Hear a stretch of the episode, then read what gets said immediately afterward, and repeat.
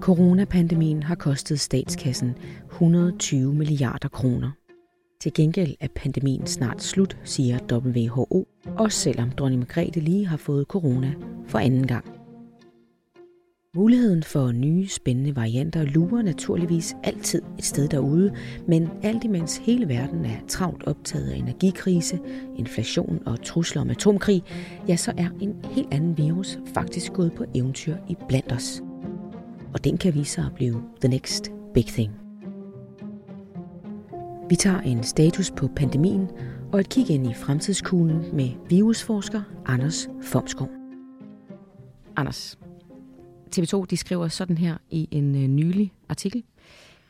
Jens Lundgren oplyser, at variantens mutationer kan tyde på, at der er tale om en flugtvariant. BJ1 bliver også kaldt BA2.10.1, og den er en subvariant af omikronvarianten BA2. For et par år siden, så vil det her være jo totalt volapyk for alle. Men øh, nu er det ligesom, om man er rimelig meget med på, hvad der egentlig bliver sagt. Hvordan, altså, er det federe at være virusforsker nu, hvor vi alle sammen på en eller anden måde er blevet øh, biologer? Ja, det er det. Det, det synes jeg. Det er rigtigt nok. Jeg har også set overskrifter i aviserne, når der står PCR-sensitivitet, eller, øh, eller smittetallet, eller sådan noget. Ikke? Og, og i aftenshowet kan man se komikere og cykelrytter sidde og diskutere BA2 og BA1 og så videre. Det er jo fantastisk et eller andet sted. Sådan var det jo ikke for øh, tre år siden, da den første udgave af Det bare en virus udkom. Ikke?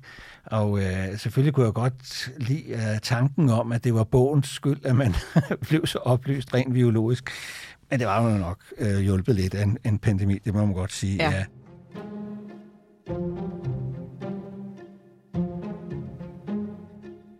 Anders Formsgaard, som man jo nok har gættet, og som man måske, hvis man ikke kender dit navn i forvejen, du er virusforsker på Statens Serum Institut.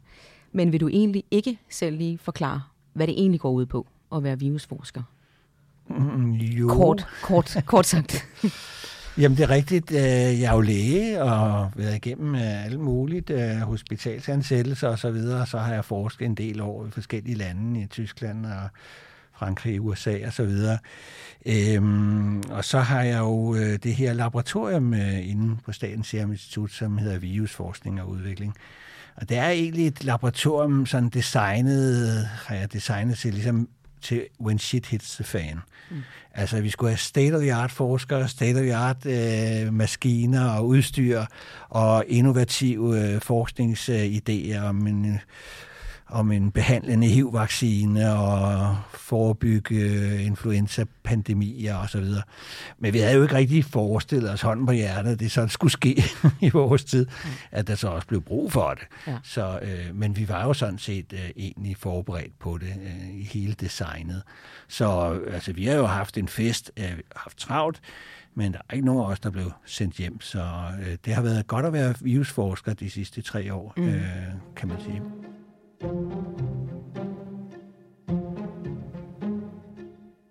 Jeg vender lige tilbage til den her artikel fra TV2, som jeg lige startede med at læse op af. Den fortsætter nemlig sådan her. Men det, der har fået forskerne op af stolen, er, at den nye subvariant har yderligere 14 mutationer i spike-proteinet i forhold til undervarianten BA2. Altså en form for frygt for, at der kommer en, at det er en ny variant, som kan noget helt nyt, øh, som, som den gamle ikke kunne, og som betyder, at vi måske skal starte forfra, eller at folk kan blive syge igen, eller sådan, ikke?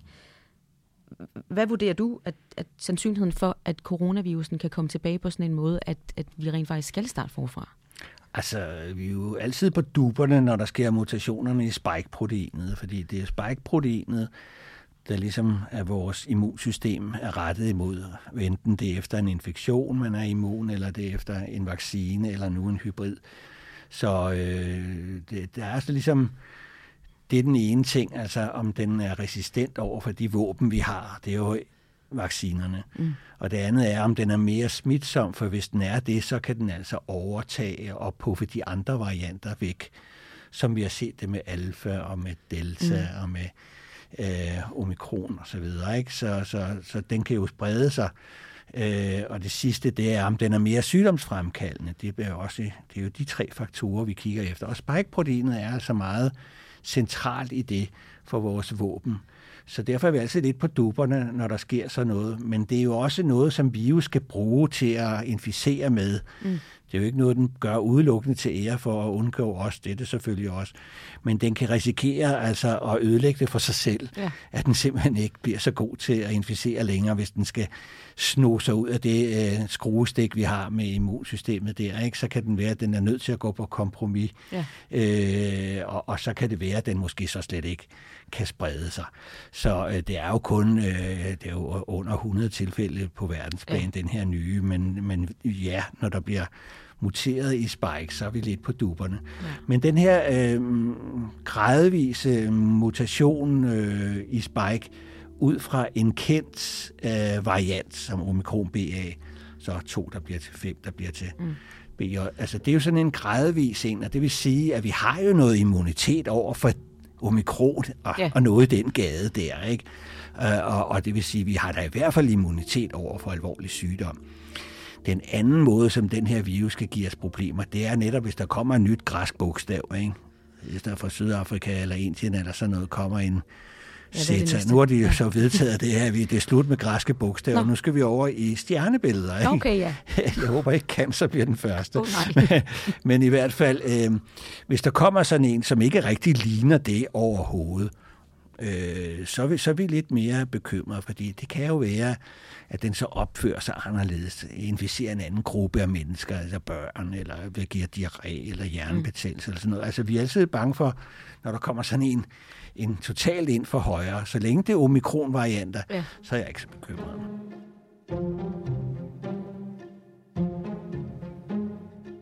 Man kan jo sige, altså corona har jo taget på to år kun livet af øh, lidt over 6 millioner mennesker. Mm. Øh, og det er sådan omkring 3 millioner per år øh, gennemsnitligt set.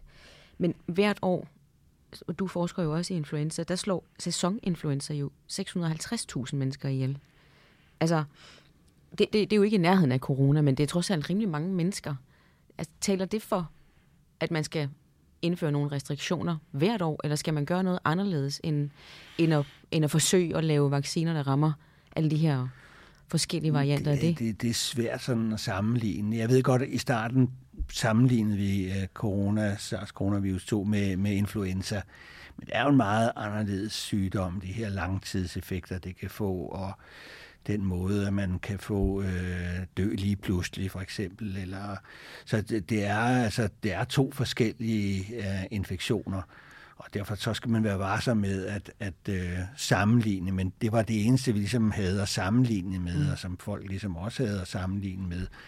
Øh, og ikke så meget med SARS-1 eller med MERS, som jo ligner det meget mere.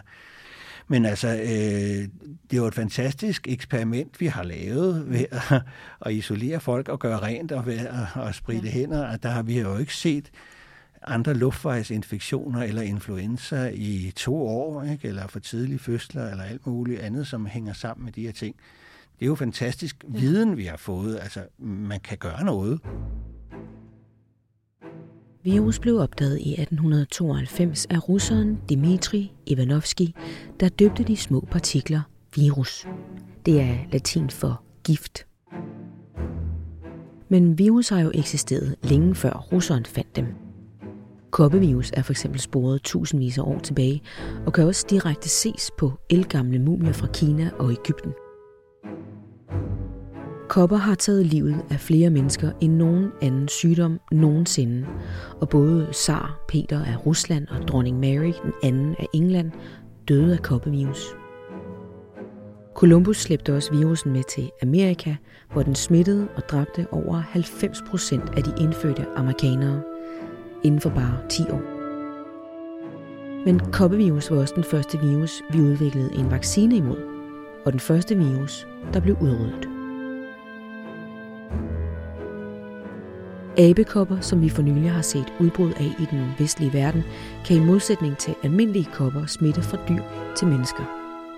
Den blev først opdaget og navngivet i Danmark på Statens Serum Institut i 1958, og det første tilfælde af abekopper i et menneske blev opdaget i 1970 i Afrika. Og den kan altså være ved at overtage den niche, der blev ledig efter vi udryddede de rigtige kopper. Epidemiolog Lone Simonsen har i hvert fald øjnene stift rettet mod virussen. Særligt fordi vi for 40 år siden stoppede med at vaccinere mod kopper.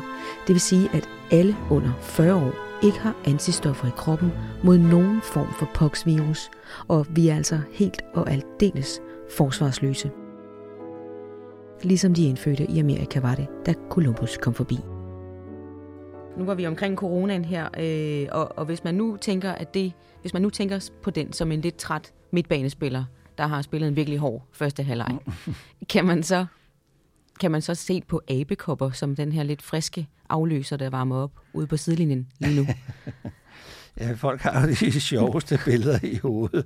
Uh, ja, altså, hvad skal man sige? Hvad har de her ting til fælles? Uh, um, altså, abekopper er jo en, en lidt anden sygdom, uh, som måske øh, har vind i sejlene i og med, at man holdt op med at koppevaccinere i 1980. Og efterhånden, som generationerne vokser frem, der ikke har været vaccineret, så er der mange, der er sådan mere modtagelige over for den type af virus, den familie af virus, kan vi i hvert fald se. Mm. Øhm, det andet, de har til fælles, er, at det er zoonoser. De kommer fra vilde dyr. Mm. Ikke? I tilfældet SARS-coronavirus, så ved vi, at det kommer fra flagermus, og flagermus har smittet øh, nogle af de øh, pattedyr, der har været på Wuhan-markedet, øh, morhund er en af dem, og muligvis en til, og i hvert fald to forskellige personer startede smitten på Wuhan-markedet og gav først anledning til to øh, typer 1 og 2, som efterhånden er blevet fortaget, fortaget sig. Og man har ligesom lavet øh, prøver af vandpytter og, og væggene ind i markedet, hvor man har fundet ud af, hvor det kommer fra. Og det er fuldstændig det samme, der skete med SARS-1 i 2003 og øh, det samme som også sket egentlig med øh, kameldromedarerne øh, med MERS. Og på den måde, så kan man sige, at de her de virus kommer fra vilde dyr, og i tilfældet med abekopper kommer det altså fra rotter i Afrika, knæver ja. i Afrika. Og øh, der har det hidtil været nogle sjældne små udbrud, mm. hvor det har kunne smitte nogle aber eller nogle mennesker i, i, i landsbyområder lidt ligesom Ebola også var nogle landsbyområder. Men på en eller anden måde, så øh, har de så... Øh, efter har smittet et menneske. Det, det er jo sådan set den første flaskehals, der skal ske, når ja. der skal komme en ny virus eller et nyt udbrud. Den anden, det er, hvordan får man virus til at vende sig til at smitte mellem mennesker. Mm det er lidt vanskeligt. Det kræver altså nogle mutationer, og det er dermed en hel masse mennesker, der skal have en virus, der kan nå at mutere. Sådan en slags superspreder-events af forskellige art vil, vil hjælpe på flaskehals nummer to. Mm. Og der har vi så set, at der var et stort udbrud i, i Nigeria faktisk, som så var meget atypisk der i, i 2017, allerførste tilfælde der var i 2016, og det var altså 38 år efter, de havde haft det sidste tilfælde, så der var gået rigtig mange år. Og så pludselig kommer det her udbrud, som var lidt atypisk, fordi det var faktisk unge mænd, 75 procent var unge mænd, og i byer, og ikke ude på landet. Øh, måske, og det var seksuelt overført. Det, det plejede det sådan ikke at være. Og så kan vi se, at det sådan ligesom har cirkuleret i Vestafrika siden, og der har været turister, der bragte hjem til øh, Maryland i USA ja. i 2021. Øhm, og derfra er det så den nærmeste øh, hvad skal man sige, virusforfædre til det store europæiske udbrud, som nu er over 50.000 nu. Øh, mm. så, så det er på en måde gået under radaren, øh, og man har ikke rigtig lagt mærke til det men egentlig har haft en del år siden 2017 ja. til at opdage det her, og kunne have gjort noget, måske allerede i Nigeria. Så, øh, så det er lidt de samme mekanismer, altså flæskehals fra dyr, og så en eller anden form for superspreder event, så enten det så Wuhan-markedet og Kina meget sådan, øh, skal man sige, urbanisering og lever mm. tæt sammen, og så noget globaliseringsspredning der. Så, så på den måde kan man sige, at at selve scenen er den samme, og det er lidt det samme, der, der sker hver gang. Men det er jo en, en noget anden sygdom.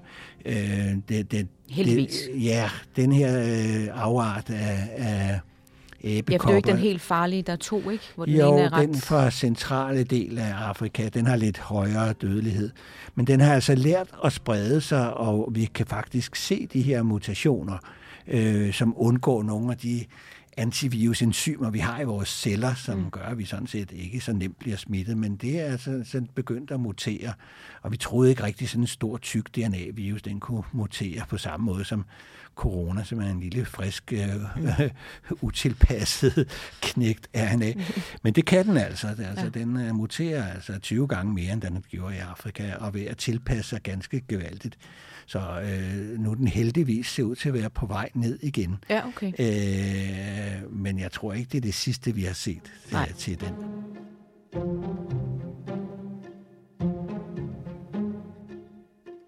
WHO de estimerer, at 75 procent af alle nye sygdomme af de her zoonoser, altså sygdomme, der kan overføres fra dyr til mennesker. Ja.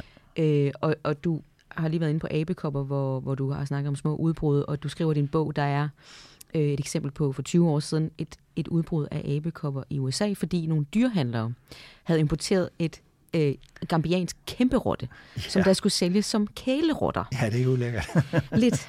Altså, men jeg tænker på, at vi også lidt selv udenom, ud over globaliseringen, og vi tager deres regnskov og sådan noget, er vi også lidt selv udenom, at vi bliver oftere ramt af de her zoonotiske ja, sygdomme? det den øget kontakt med vilde dyr, som er leveringsdygtige i nye virus, og man har estimeret, at der er der i hvert fald en 200-300.000 nye virus, vi ikke har set endnu, som bor i de vilde dyr, så der er rigeligt at tage af. Hold op. Øh, og øh, ja, altså det, der også var problemet, det var at sætte de her gambianske kæmperotter fra Vestafrika ind i en dyrehandel sammen med præriehunde og alle mulige andre dyr, som ikke i naturen er vant til at være sammen og så tæt på hinanden.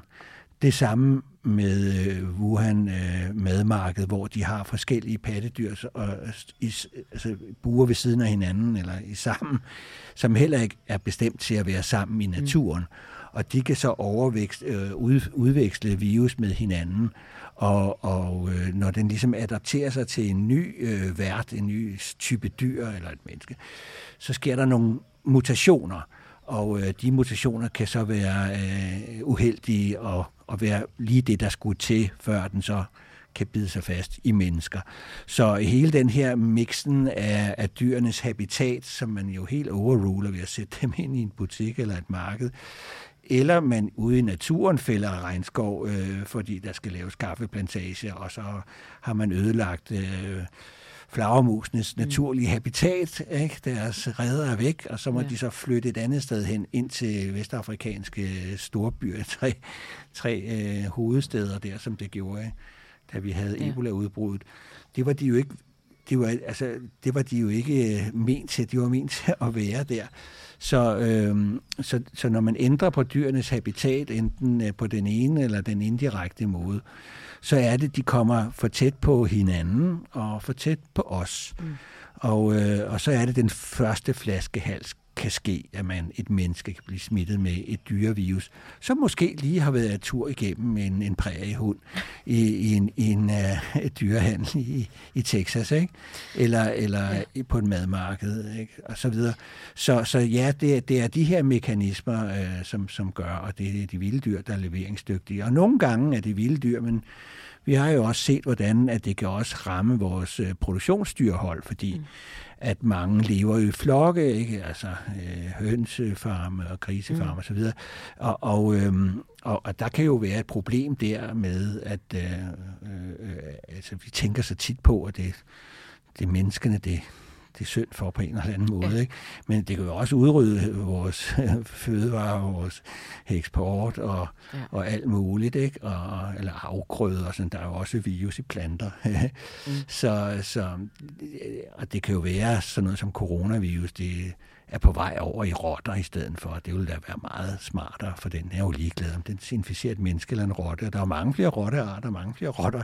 Ja. Det ville jeg gøre, hvis jeg var ja, det kan coronavirus. Vi det hedder så bare et reservoir, som gør, at det ligesom Nå, ja. er en lille tænkende bombe, som ja. øh, hvis det er i kloakkerne, så kan man måske øh, komme tæt på det igen en anden gang.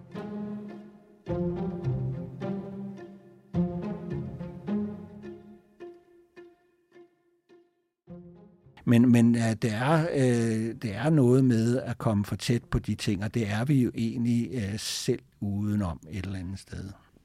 Corona er jo efter alle dømme, du, du altså, siger i hvert fald, kommer fra en flagermus, ikke? Øh, en zoonose, æbekopper, MERS, SARS, Ebola. Zika, vi kan blive Zika. øhm, ser vi ind i en, en verden, hvor, hvor vi skal vende os til, at der, der, altså, at der kommer flere hyppige forekomster af epidemier, af måske endda pandemier, eller, eller hvad, hvad, hvad tror du ligesom udviklingen vil være de næste... Jamen, jeg tror, at, at vi ligger lidt som i redder, og, og, øh, og de flere og flere udbrud, vi ser, kan udmærke være resultat af den altså måde, vi så lever på, og, og kan sprede dem også. Og der er også migration af fødevarer, ikke? Altså, mm. vi skal jo have friske jordbær i januar, klart. ikke? Det skal vi da have. Ja. Det skal vi da have, ikke? Og så er vi nødt til at få dem fra øh, Marokko eller et andet nordafrikansk land, og de bruger måske menneskeafføring som gødning, og så kan vi få hepatitis A og polio og sådan. Altså, så, så den måde, vi ligesom øh, lever på, ligger ligesom op til, at det vil ske hyppigere og hyppigere, og det er også det, vi ser. Konkurrencen kan selvfølgelig være, at vi bliver bedre og bedre til at opdage det. Ja. Men altså, jeg vil sige, corona, den skulle man være svært blind for ikke? At, at opdage. Ikke? Så jeg tror, det er noget med, at vi skal være overvåget betydeligt meget mere, og, og måske bruge nogle af de nye modeller til forudsigelse af, hvor kan klimaforandringer, tæthed af i Nordsjælland af hjorte og mus og, og så videre, kan der være, der kan være noget TBE-virus i floderne der og sådan mm. noget. Det er jo i hvert fald sådan nogle modeller, hvor man kan måske forudse, ja. hvor det vil ske, og så kunne man overvåge det der. Ikke? Og som eksemplet var med æbekopper, det havde jo været rart, om man havde lavet en slags overvågning for alle virus på planeten. Det er jo sådan noget, man kan nu. Ja. Øh, hvis man gjorde det i Nigeria, så kunne man måske have lukket den der. Ikke? Altså, øh, så jeg tror fremover, at vi skal bruge nogle af de moderne metoder, som ikke bare har givet os øjne, og vi har fået øje på de her udbrud, men øh, jeg tror, det er reelt, at der er kommet flere af dem, mm. og vi skal bruge noget af den teknologi og de ting, vi har lært til ligesom at, at lukke dem der, hvor det opstår.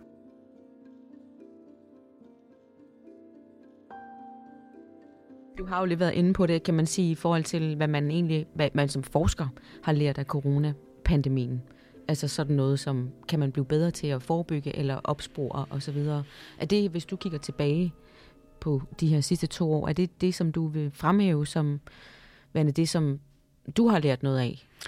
Ja, jeg vil sige, at to ting har givet mig og andre forskere lidt øh, øh, hvad det, man, jeg vil huske det for. Det ene er, at vi begyndte at fuldgenomsekventere virus. Ja.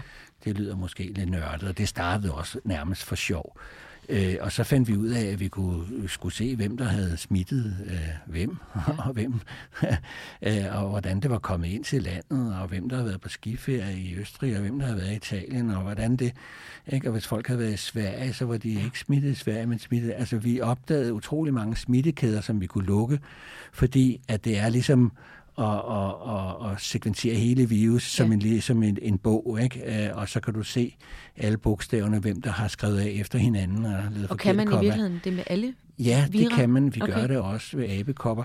Øh, øh, den, den, den varierer ikke så meget som corona, og derfor er den lidt sværere at, at se øh, mm. sådan nogle detaljer. Men ja. corona varierede jo øh, øh, ret meget, så der kunne vi se sådan nogle, og der kunne vi opdage smittekæder og få dem lukket, og og, og se, hvor de kom fra, hvilket land, og lukke grænser og sådan nogle ting. Ikke alting øh, virkede. Man kan forsinke det, men man kan ikke forhindre det, men mm. man kan dog forsinke det, ikke? Og, og indtil man får vaccineret og sådan nogle ting, og det var også den måde, vi opdagede jo øh, mink og sådan nogle ting. Mm. Det var ved at sekventere. Det andet, jeg synes, der har været en revolution, det har været de genetiske vacciner, ikke? mRNA-vaccinerne. Altså, der er jo ikke noget som en rask lille pandemi til at få en ny vaccineteknologi indført ikke, øh, på 0,5. Og øh, vi vidste jo noget om den type vaccine. Vi har i hvert fald forsket det, siden det kom frem i 1992, ja. øh, og forsker stadigvæk i det. Ikke? Så derfor vidste vi, at det var en ret sikker vaccine. Det var testet på alle mulige dyr, og mennesker i øvrigt også, alle mulige forsøg. Og det viser sig også, at det var, og plus meget effektivt, både til at hindre uh, smitte, men også til at hindre alvorlig sygdom og død. Og det er en revolution, der er sket. Øh, vi havde jo ikke RNA-vacciner. Kan du lige prøve at forklare for, for lægemand, øh, hvad, hvad, hvad revolution består i i forhold til det? Jo, altså man, man, i stedet for øh, de traditionelle vacciner, hvor man tager en virus, og så dræber dem med formalin eller noget, og stikker den ind, og så skal immunsystemet øh, reagere på ja. det, sådan at hvis man ser den næste gang ikke, in, in real life, ikke, så jo. kan det så nedkæmpe. Men øh, dræbte virus øh, giver kun antistoffer, der skal hindre infektioner. Det er ikke altid, de kan sådan gøre det 100% og er ikke særlig god til at ændre sygdom. Det kræver næsten en levende svækket vaccine, som vi har med mæslinger, forsyge, røde hunde og gul feber osv. Det, det er jo fantastisk gode, men de kan jo altså også give sygdommen. Ikke? Der er mm. noget polio for tiden, som faktisk er vaccinestammen, der ligesom har muteret tilbage. Det var ikke så godt. Men det, som de genetiske vacciner gør, de tager bare et lille stykke af genet, det der koder for spike for eksempel. Og så sprøjter man det ind i vores øh, celler, mm. øh, i armen der, og så laver cellerne det, koden siger. Så den laver selv vaccinen, og den laver ikke hele virus, som en levende svækket ved. Den laver kun den del af det, der er vigtig, spike. Og øh, på den måde, så øh, behøver man ikke at producere vaccinen. Det gør vi selv. og vi får den type af immunitet frem, som er begge arme af immunsystemet. Altså både antistoffer, der hindrer en infektion, og også celleimmunitet, der hindrer alvorlig sygdom og, og, og død, som vi, mm. som vi bryster os af, at vaccinerne stadigvæk gør, selvom ja. den varierer sig i spike. Uh, så det er en fantastisk god type af immunitet, og den er, er super sikker, uh, viser det sig. Uh, det er jo det, som alle virus gør. De fiser jo rundt i kroppen mm. hver dag, på, yeah. enten vi kan syge eller, sygdom eller ej, og sprøjter deres DNA eller RNA mm. i vores celler. Så det er jo egentlig det, man efterligner, uden at det er en hel virus. Så, så, så den, og de er super nemme at lave. Altså, vi laver dem på det en uge i laboratoriet. Ja, altså. men man kan bruge det til alle mulige sygdomme, hvor man har en vaccine, som ikke er så god. Influenza for eksempel. Ikke? Øh, den bliver lavet på befrugtede hønseæg. Det virker en lille smule gammeldags, og man skal gætte otte måneder i forvejen, hvad der kommer. Og i tredje år gætter man forkert. Ikke? Det ville være meget smartere, at man kunne lave den her type ja. vacciner. Og der er også sådan et behandlende aspekt i det, altså det der med, at celle, øh, celleimmuniteten udrydder de inficerede celler, så mm. man bliver rask. Det kan man jo bruge mod cancer ja. øh, og livmoderhalskræft og sådan nogle ting. Så ja, vi, vi har fået åbnet en port, en ladeport til en fantastisk øh, vaccine af øh, æra, ja. som er startet med det. Jeg vil sige, at de to ting er nok det, som forskningsmæssigt jeg husker mest.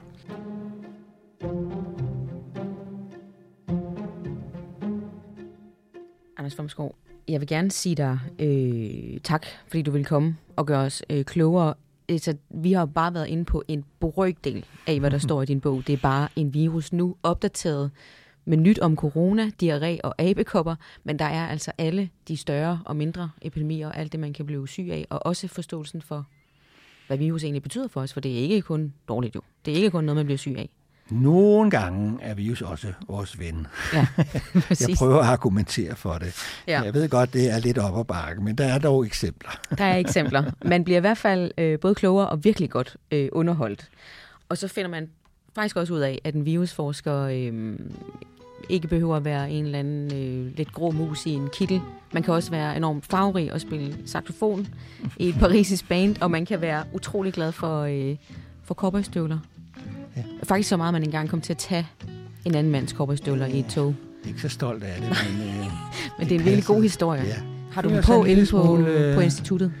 Anderledes. Ja, altså indtil jeg kommer ind til instituttet, ja. der skifter vi fodtøj for ikke at være rundt i æbkopper og smere så slæbe det rundt. Ikke? Ja. Men øh, ind og, og, og, og bagefter, ja, det ja. har jeg der. Den engelske her brugte i tidernes morgen koppevirus som biologisk våben mod de oprindelige amerikanere. På den måde slog de halvdelen af dem ihjel. Sovjetunionen har også eksperimenteret med selv samme dødelige koppevirus, som de satte i produktion og påmonterede missiler tilbage i 70'erne. Virus kan nemt udnyttes som dødbringende biologisk våben, men vi har på en måde alle sammen fingeren på aftrækkeren. Vi flytter nemlig i stadig stigende grad ind på dyrenes habitat. Vi fjerner deres levesteder, og vi har generelt alt for nær kontakt med vilde dyr på både markeder og inde i vores stuer. Det giver optimale vilkår for udvikling af nye smitsomme zoonoser eller mutationer af allerede kendte viruser. Og så hjælper det altså ikke, at du ellers er blevet rigtig god til at bruge håndsprit. Forfatter Hanne Vibeke Holst kalder bogen Det er bare en virus for en page-turner, der er spændende som en thriller, uhyggelig som en gyser, underholdende som en tv-serie og relevant som bare pokker. Du har lyttet til Bliksen eller Kaos. En podcast fra Gyldendal.